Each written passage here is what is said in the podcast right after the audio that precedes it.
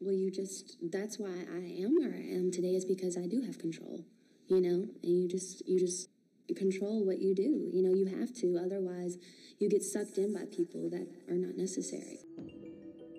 According to court records, Brittany's conservators are able to control who can and cannot visit her and retain security guards for her 24 hours a day.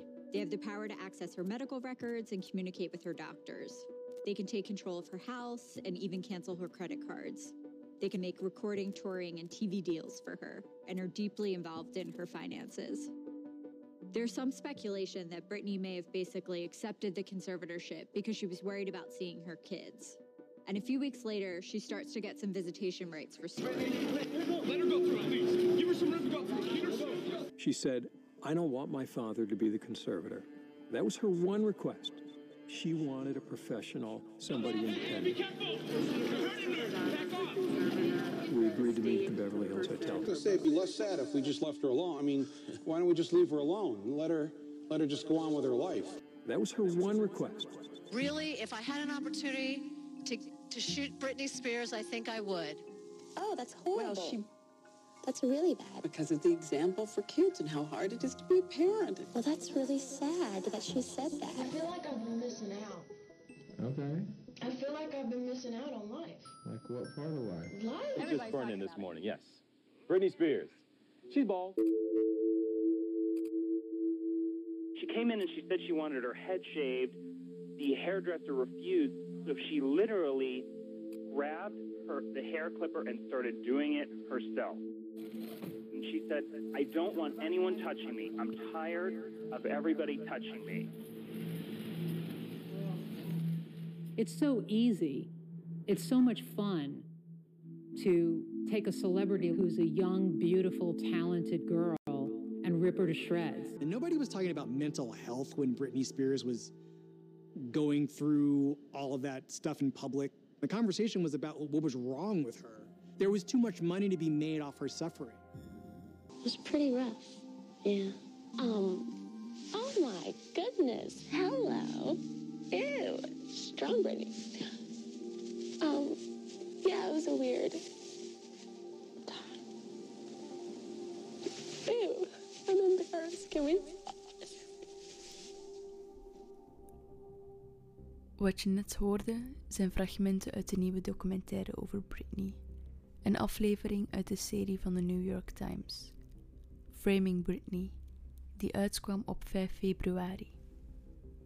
18 februari was hij voor ons te zien. Wat we uit deze documentaire kunnen halen is dat we Britney hebben gefaald. De documentaire schijnt wel een nieuw licht op Britney en haar situatie. Heel de media is er nu over bezig. 20 euro als jij in de laatste week niets hebt zien staan over Framing Britney op je sociale media. De meest veelbesproken documentaire van dit moment volgens Vogue.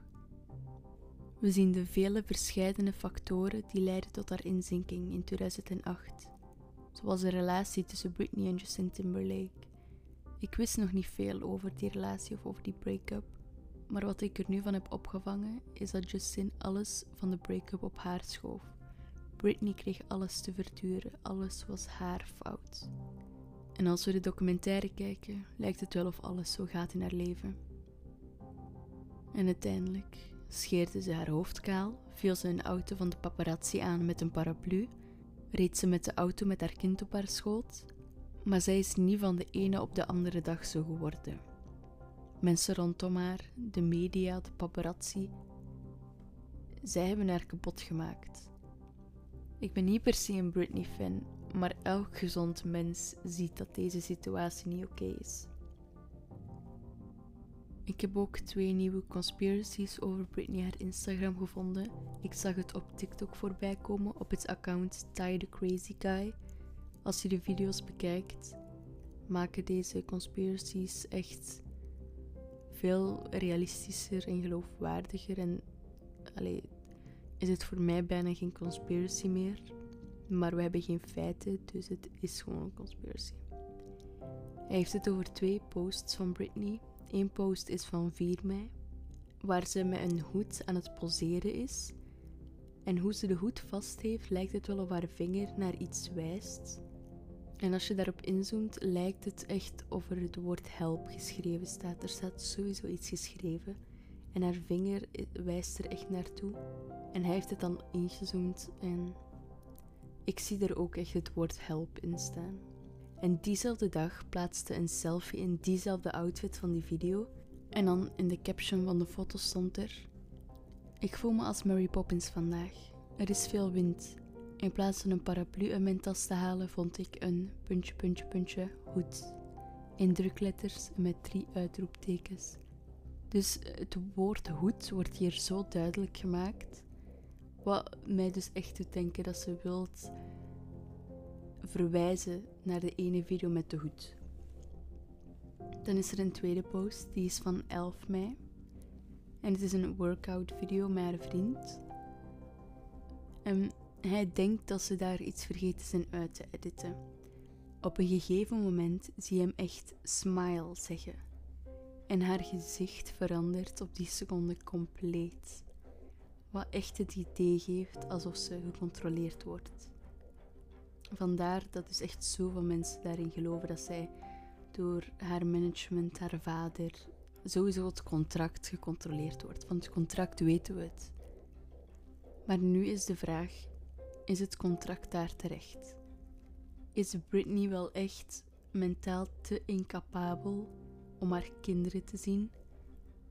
Om met de auto te rijden? Om iets van controle over haar leven te hebben? Ze heeft misschien niet heel haar leven nu op een rijtje, maar ze zou het wel kunnen. We hebben toch allemaal ooit wel eens echt alles willen kapot slaan en gewoon even willen doordraaien. En veel van ons hebben dat dan niet gedaan, maar veel van ons zouden het wel willen. Dus is Britney dan echt gek? Of werd het er allemaal gewoon even te veel? Zo, dit was Free Britney Part 2. Moest je deel 1 nog niet hebben geluisterd, zou ik het zeker aanraden. Ik ga veel dieper in op haar situatie. Dit is eigenlijk gewoon ik die de documentaire over Britney praise. Echt, ik raad het jullie allemaal aan om te gaan kijken. Als je het gemist hebt op tv, je kan het overal wel online illegaal vinden. Maar echt, het is de moeite waard om het te kijken. En ik ben heel blij dat het nu een veelbesproken onderwerp is, haar situatie. Want het was nodig. En ik hoop dat er nu wel echt iets verandert voor haar. Of dat we meer duidelijkheid krijgen en minder vage signalen, zal ik het maar noemen. Ik ben een tijd weg geweest en ik zocht heel lang een goed onderwerp om soort van terug te komen, wat eigenlijk heel dom is. Want ik was echt druk op mezelf aan het leggen hiervoor. Maar toen ik het nieuws over de documentaire hoorde, dacht ik ja, hier moet ik gewoon nog een deel van maken. Ik zei ook dat ik altijd Britney haar verhaal zal blijven opvolgen. En toen ik dan ook die nieuwe conspiracy over haar zag van die jongen op TikTok, had ik echt het gevoel: oké, oké, tijd voor een nieuwe podcast weer. Ik ben blij dat ik terug ben. Er is geen specifieke reden waarom ik weg was. Ik had het gewoon even druk en daarna was mijn motivatie voor alles een beetje weg. Ik heb mijn kamer verbouwd. er is niet echt een reden. Het was gewoon puur uitstelgedrag. En ik die daarna druk op mezelf legde om een comeback te maken. Maar nu ben ik terug. Dit is de grote comeback. ik had het gewoon al veel eerder moeten doen en niet heel tijd alle onderwerpen die ik in mijn hoofd had schrappen, omdat ik dacht dat ze niet goed genoeg waren. Ja, dat is gewoon dom, maar dat is gewoon in mijn hoofd dat ik een hele speciale comic wou maken. Maar ik ben trots op mijn audio-edit in het begin. Zo. Ik hoop dat je van deze aflevering hebt genoten en dat je zeker ook de documentaire gaat bekijken als je dat nog niet gedaan hebt. En dat je altijd benieuwd gaat blijven naar nieuwe conspiracies van alle celebrities. En dan zie ik jullie de volgende keer. Bye bye!